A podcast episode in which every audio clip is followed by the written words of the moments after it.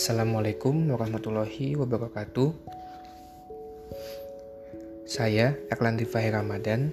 Hari ini, hari Minggu, tanggal 20 September 2020, merupakan hari ke-12 dari siklus pertama saya membaca buku Seven Habits of Highly Effective People yang disusun oleh Stephen R. Covey dari Covey Leadership Center.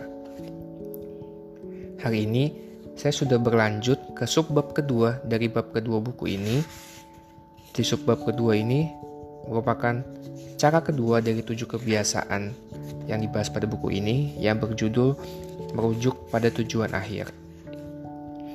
Ada beberapa bahasan dan beberapa inti yang saya dapatkan dari membaca pada hari ini yang dapat saya rangkum menjadi beberapa poin sebagai berikut.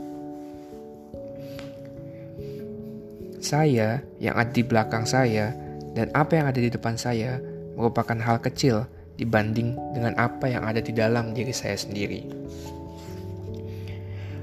Orang sering mendapatkan diri mereka mencapai kemenangan yang hampa, keberhasilan yang diperoleh dengan mengorbankan hal-hal yang tiba-tiba mereka sadari jauh lebih berharga bagi diri mereka. Berjuang untuk mencapai penghasilan yang lebih tinggi pengakuan yang lebih besar, atau tingkat kecakapan profesional tertentu hanya untuk mendapatkan bahwa dorongan saya untuk mencapai cita-cita saya membutakan saya terhadap hal-hal yang sebenarnya paling penting dan malah sekarang sudah hilang. Ketika saya memulai dengan merujuk pada tujuan akhir, saya memperoleh perspektif yang berbeda.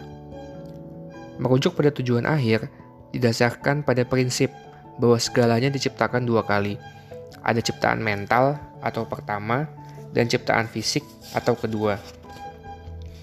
Saya bertindak di dalam dan memperluas batas-batas lingkungan pengaruh saya sejauh saya memahami prinsip dua ciptaan dan menerima tanggung jawab untuk keduanya. Jika saya tidak berbuat selaras dengan prinsip ini dan bertanggung jawab atas ciptaan pertama, saya memperkecil lingkungan pengaruh yang saya miliki. Berikut adalah poin-poin yang saya dapatkan dari membaca buku Seven Habits of Highly Effective People pada hari ini. Terima kasih.